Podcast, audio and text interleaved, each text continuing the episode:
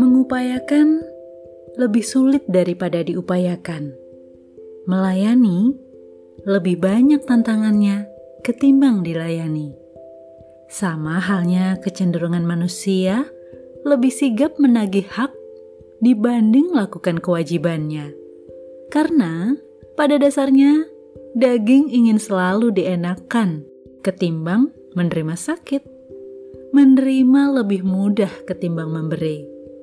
Namun seorang yang dewasa memberikan diri untuk menanggung yang lain, meski tanpa mendapat keuntungan dan sanjungan.